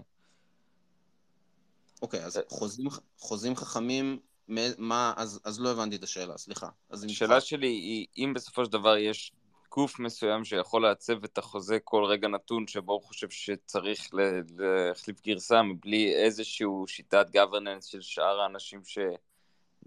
שלוקחים חלק בדבר הזה, אז מה היתרון של, של העובדה שהחוזה הזה מבוזר? כן, אז, אז, אז קודם כל החוזה הזה הוא עדיין מבוזר מהבחינה של זה שהוא עדיין דטרמיניסטי, גם אם אני יכול לעדכן אותו. זאת אומרת, מקודם הזכרנו את זה ש, שהדטרמיניסטיות, או, או מקודם הזכרנו את זה שחוזים חכמים הם דטרמיניסטים, אה, זה עדיין תקף גם כשאתה מעדכן חוזה, כי עדכון של חוזה בסופו של דבר יכול להיות טרנזקציה, והדטרמיניסטיות היא מתבטאת בסדר של הטרנזקציות. אז אם אני יודע מתי הטרנזקציה שלי נכנסת, והאם שינית או לא שינית את הקוד של החוזה לפני הטרנזקציה שלי, אז אני יודע מה הטרנזקציה שלי הולכת לעשות. אז עדיין יש אלמנט של פרדיקטביליות, של צפיות. אני עדיין יודע מה הקוד הולך לעשות ברגע שהטרנזקציה שלי תגיע. אמ, אז זה מהבחינה הזאת. באופן כללי, אני למה אישית... יש פרד... למה יש יותר פרדיקטביליות ברגע שמשהו מבוזר? לא הבנתי את השאלה. אתה יכול לראות את הקוד. כן, אבל זה, לא, אבל זה לא פרדיקטביליות, דן צודק. כאילו, ברגע שאני... אם, אם אני יכול לשנות את הקוד, כשאתה עכשיו עושה, עכשיו מחליט אה, לקנות מטבעות, אה, לא משנה, של אה, יוני, כן? אז אתה mm-hmm. יודע מה כללי המשחק בחוזה של יוני. לעומת זאת, אם אני בכל רגע יכול לשנות את כללי המשחק, אז באותה מידה אני יכול להחזיק את ה-database הזה על mm-hmm. השרת שלי, נכון? יוני זו, דוגמה, יוני זו דוגמה מעולה, כי ביוני כל הזמן משתנים כללי המשחק, ובגלל זה יש לך את ה-spread. בדיוק בגלל זה יש לך את ה-spread ביוניסוואפ, בגלל שאתה לא יודע בשנייה לא, דיבר, אני דיברתי, דיברתי, על, על, על, דיברתי על UNI token, סתם כדוגמה אה. לטוקן, ERC20, חוזה של ERC20, okay. אוקיי. עזוב רגע את, ה, את הפר, את ה, לא, לא, לא ניכנס רגע לחוזה שהוא, יש עכשיו חוזה של ERC20, כן, נגיד ה-UNI token, זה לא משנה, איזה טוקן שתבחר, כן, אז, אז כללי המשחק הם ברורים, כן, אף אחד לא יכול להדפיס, נגיד שהתחלנו עם cap של 100 אה, מיליון, לא משנה, זה, זה מאפשר לי פרדיקטביליות לגבי החוזה הזה, ואף אחד לא יכול לשנות את זה, כן? ולעומת זאת, אם אני עכשיו uh, בתור, ה, נקרא לזה, הבעלים של החוזה, יכול לשנות את הקוד בכל רגע, אז באותה מידה אני יכול להחזיק את הרישום טוקנים האלה על, ה, על ה-instance שלי ב-AWS. אה, ואם... אבל אז, ואם... אבל אז יהיה קיים, אבל אז העותק הזה יהיה קיים רק על ה-AWS שלך. הוא לא יהיה קיים על כל node שמחזיק את הבלוקצ'יין של אתריום. אבל, אבל מה זה עוזר להחזיק את זה על כל node בעולם, אם בכל מקרה אני יכול לשנות בכל רגע את, ה, את, ה, את הרישום בכל node בעולם? כי לי יש את ה... ברמת הקונצנזוס, אני יכול לבוא ולהחליף את הקוד, ובקוד של החדש יהיה כתוב ש-X יהיה שווה. בכל בלוקצ'יין, בכל בלוקצ'יין יש primitive שהוא mutable by definition, וזה הכסף שיש לך בחשבון. זה משהו שאתה תמיד יכול לשנות. אז באותה מידה אני יכול לשאול אותך על זה, אם אתה תמיד יכול לשנות את המספר של הסכום שיש לך בחשבון, אוקיי? אז, אז בשביל מה אני צריך database ששומר אותו? ה-database, המטרה שלו היא לא להיות בהכרח קבוע לנצח, הוא יכול להשתנות. הרעיון של הקונצנזוס שאנחנו שומרים עליו מסונכרן בין כולנו. זאת אומרת שאנחנו יכולים להיות עשרת אלפים אנשים בכל העולם, מפוזרים בכל העולם, ואנחנו עדיין נדע בוודאות מאוד מאוד גבוהה, לא מוחלטת אבל מאוד מאוד גבוהה, שלכולנו יש בדיוק את אותו עותק של ה-database הזה בכל רגע נתון. כן, אבל אה, מה, מה מטרת האירוע? כאילו, אוקיי, יש... אה, ה-database יושב אצל כולם, אבל לצורך מה? לצורך העניין, אם נלך למשהו פשוט יותר, כן, ביטקוין, המטרה, שה, המטרה שה-database הזה יושב אצל כולם, היא כדי שאנחנו כולנו נוכל להסכים על הכלל שמהי טרנזקציה valid, כן, מתי מותר להעביר, ואף אחד לא יכול לשנות את הכלל הזה, אוקיי? אה, בלי, בלי, בלי החלטה גורפת של הקונצנזוס. באותה מידה חוזה חכם, אם אנחנו מדברים עכשיו על טוקן, אז זה שלי, ש, שאף אחד לא יכול לגעת ב-balance שלי, של הטוקן, זה, זה, זה הביטוח שאני מקבל בעצם, דרך הקונצנזוס. אם כל אחד יכול לבוא ולשנות את הקוד ולהחליף את הבלנס שלי מ-8,000 ל-8, כן, כי מתחשק לו, כי הוא עכשיו שינה את הקוד, אז, אז, אז, אז סתם בזבזנו הרבה אנרגיה וכסף בזה שהחזקנו את העותקים האלה בכל מקום. אז, אז שוב, אני יכול שנייה אחת רק, יהודה מה אני אתערב? סליחה, אני הכי פחות חכם פה מכל, ה, מכל הדוברים, אבל אני אגיד שבעיניי הדבר היפה פה הוא שיש ספקטרום. זאת אומרת, יש חוזים שאי אפשר לעדכן אותם, אם אני רוצה אני אלך לזה, ואז אני חושב ש... זה, זה, הדרך הנכונה להסתכל על זה היא להגיד, בכל אחד מהבחירות הארכיטקטורה הללו יש הנחות trust שונות, ואני יכול בתור משתמש ללכת ולבחור לאן אני רוצה ללכת. ואם אני הולך לסתם למקום שיש upgradable proxy, ונגיד הוא, לא יודע, הוא נשלט על ידי token voting, ויכול לבוא גוף עכשיו ולהרים את כל הטוקנים בשוק, ולהעביר הצבעה ולהחליף את החוזה ולהרים לי את הכסף, אז אני לוקח את הסיכון הזה. מצד שני, אם אני הולך למשהו שהוא non-upgradable, והוא, והוא לגמרי תקוע בזמן והוא בחיים לא ישתנה. אז יכול להיות שיום אחד ימצאו באג וילך לי כל הכסף ואף אחד לא יטרח לשנות את זה וגם אף אחד לא יטרח לעקוב אחרי זה. ואני חושב שהיופי ב, ב, ב, בכל הכלים האלה שאנחנו יכולים לבחור. ו, ובגלל זה אני חושב ששניכם צודקים, כאילו אין פה משהו, אין פה מישהו אחד שצודק. יש פה טווח של אפשרויות שכל אחד, אני מאוד ליברטן, אני מאמין שזה הדבר הכי טוב שיש, יש הרבה אפשרויות, כל אחד יכול ללכת ולבחור אה, לפי סט האמונות שלו.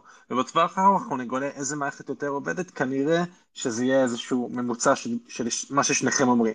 זאת אומרת, חלק מהדברים יהיו אה, מיוטביליים, וחלק מהדברים יהיו מיוטביליים, וחלק מהדברים יותר אה, קל לשנות אותם, וחלק מהדברים פחות רוצים לשנות אותם, וחלק... זהו, זה, כאילו, אני חושב שזה איזשהו ויכוח אינסופי כזה.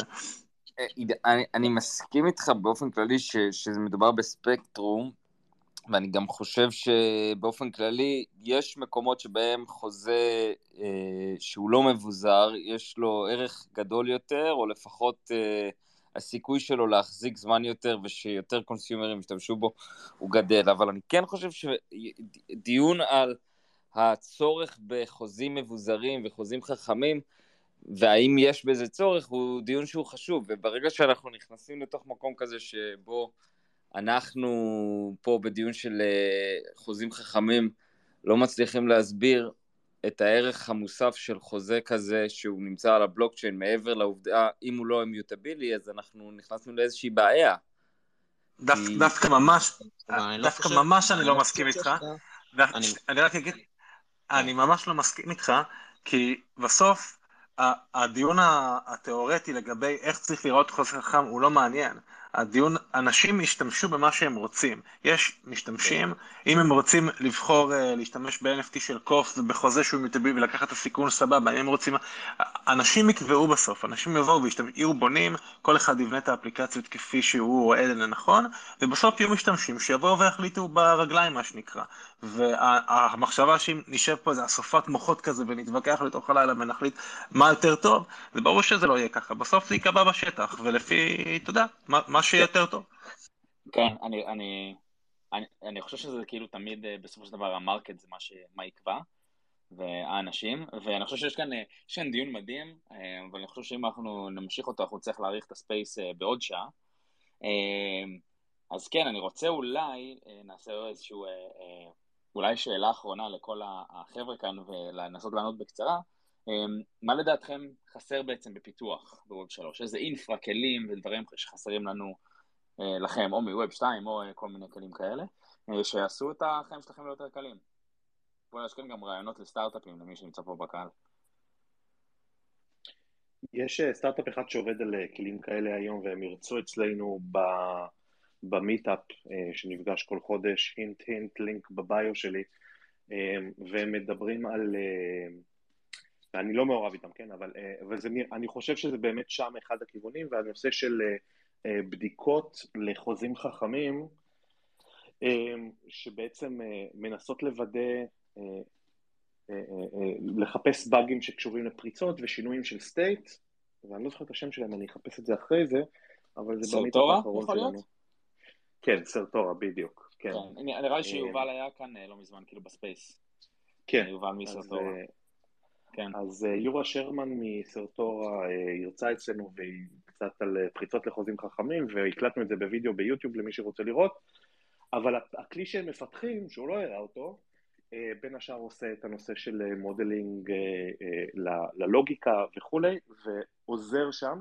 אני חושב שהתחומים האלה של בדיקות תוכנה אה, לקבל confidence שה-smart contract יש לו אה, לגבי security, אה, הוא מטורף, הוא מטורף, וגם הנושא של אופטימיזציה היא בעיה מאוד מאוד גדולה. והנושא האחרון זה כל מה שקשור ל-MEV ו... אה, והפתרונות האלה, אה, אבל זה ממש, זה תעשייה שלמה שאפשר לדבר עליה ב-space נפרד. כן. אה, יותם, אדם, דני, אם גם אתה רוצה לספר על איזשהו אה, כלי או סטארט-אפ שהיה פותר לך את החיים מבחינת פיתוח?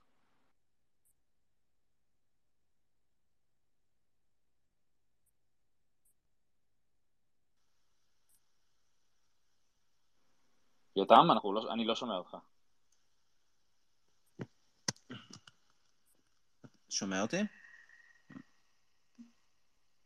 כן, כן, עכשיו כן. ועכשיו אוקיי. לא. שומעים? לא. שומעים אותך. אוקיי, וואי, הטוויטר נתקע לי, סורי. וואי, יש המון, אה, יש המון דברים, כאילו אני, אני כבר הרבה זמן חולם על אה, זה שמישהו ייתן לי אה, API שמאפשר לכתוב SQL ולעשות שאילתות על איתריום. אמ, יש כ- יש כזה, Du- Dune- Dune Analytics. כן, אבל Dune, Dune הם בונים את כל ה... הם, עד כמה שאני מכיר, הם בונים שם את כל הדאטה סטים יחסית ידנית, או ליד- או בעזרת הקהילה, וגם הם מאוד איטיים. כאילו, אני יותר חושב בכיוון של פעם, פעם היה רעיון לעשות במקום JSON RPC, לעשות GraphQL. לא יודע אם אתם מכירים את הרעיון אבל הזה. למה לא The Graph? יש גם כזה, יש, אה, יש גם כאלה שעושים, אה, שלוקחים את ה-JSON RPC והופכים אותו ל-GraphQL. לדעתי ל- ל-Cloudflare יש אחד כזה. אה, ב-Graph אה, זה, אתה צריך לכתוב את הסכמה בעצמך, ואז אה, כן. לסנכרן את ה-node, וזה עובד נהדר. כן, אה, ב-Graph זה indexer, ב-Graph זה indexer שהוא, הוא, אני מניח למשל ש-Dune משתמשים בו, אני מניח, אני לא, לא מכיר. אה, לא, לא, האמת לא, שלא. לא? נראה לי אוקיי. מעצמם, כן. הבנתי, אמיצים. אז, האמת שהם קשוחים, חבר'ה. כן, אז אה, כן, לא, אה, אני מוצר, זה מוצר שאני אישית מאוד אוהב. אז אה, זה משהו, עוד משהו אחד שאני חושב שיש חברות שמתעסקות בו, אבל אני חושב שזה עדיין לא מספיק אה, פשוט, לפחות אני לא, לא בהכרח, אה, לא ממש מצאתי סרוויסים טובים לזה, אז אחד זה Key Rotation, דיברנו על כל מיני דברים שקשורים לאבטחה וזה, ואומנם אפילו, אפילו שדיברנו פה הרבה על אימיוטביליטי, אני מניח שכמעט כל מי שדיבר פה מחזיק לפחות איזה חוזה או שניים שיש להם אונר, והאונר הזה הוא בעצם בדרך כלל איזשהו אה, מפתח פרטי שיושב על השרתים של החברה, ו... אה, והיום, אה, למרות שזה סטנדרט בתעשייה באופן כללי לעשות Key Rotation אוטומטי, כמעט לכל מפתח, בין אם זה SSL Certificate או SSH Key או כל מיני דברים כאלה, אז יש היום הרבה מאוד כלים שמאפשרים לעשות Key Rotation בצורה אוטומטית. אני, אני אישית, אני לא מכיר איזשהו כלי טוב כזה, או לפחות לא כלי נגיש. לא יודע אם איפשהו בתוך החברות הגדולות יש להם, אה, כאילו בתוך הקונצנזיס וכל החברות הגדולות האלה, אם יש להם איזשהו מוצר כזה, אבל אני לא מכיר איזשהו כלי פשוט כזה. אה, אני, אני יכול להמשיך, יש לי עוד המון, אה, המון כלים שלדעתי מאוד מאוד נחוצים, אבל אה, אני אעצור פה. אמ, אני מסכים עם כל מה שנאמר, כן, ואפשר אה, להמשיך עוד הרבה מאוד. באמת, אנחנו בחיתולים של החיתולים. אמ, אני, אני חושב שעדיין דיבאגינג זו בעיה קשה בכתיבת חוזים. אה, עדיין אה, כלי ה-debugging שלנו הם לא קרובים למה שאנחנו רגילים אה, מ... נקרא לזה מתכנות יותר סטנדרטי, ו, ואני חושב ששם גם יש עוד הרבה מאוד על מה לעבוד, אבל זה באמת אה, אינסוף, זה טכנולוגיה ממש בהתפתחות. כן. תקשיב, כלי onboarding, חבר'ה, אף אחד לא אמר, ואנחנו צריכים את זה בתור אנשי פיתוח, אין לנו מושג איך יוזרים הולכים להשתמש, ואנחנו, הנושא של ה-onboarding זה אחת הבעיות הכי קריטיות לדעתי אה, לכל אה, סטארט-אפ גם בתחום הזה. הייתי הייתי שמח אם היה סטארט-אפ שפותר את בעיית ה-onboarding, אם לא, אולי צריך לבנות אותו אחר כך. מדהים. טוב, אז אה, נראה לי שאחלה אה, זמן לסיים את זה. a bit over time, איך אומרים? אה, וכן, אני רוצה להגיד לכם תודה לרועי, לאדם, ליותם, לעידן וגם לדן שהצטרף פה בוועדה לדבר. נזכיר לכולם שאנחנו עושים את ה space הזה כל יום, כל יום ראשון בתשע, ואתם מוזמנים להצטרף אלינו לטלגרם ולהמשיך לדבר ולפטפט לאורך השבוע. אה, וכן, ההקלטה הזאת תהיה אה, גם ביוטיוב, זה כבר בלייב, וגם בספוטיפיי וכל הפודקאסטים.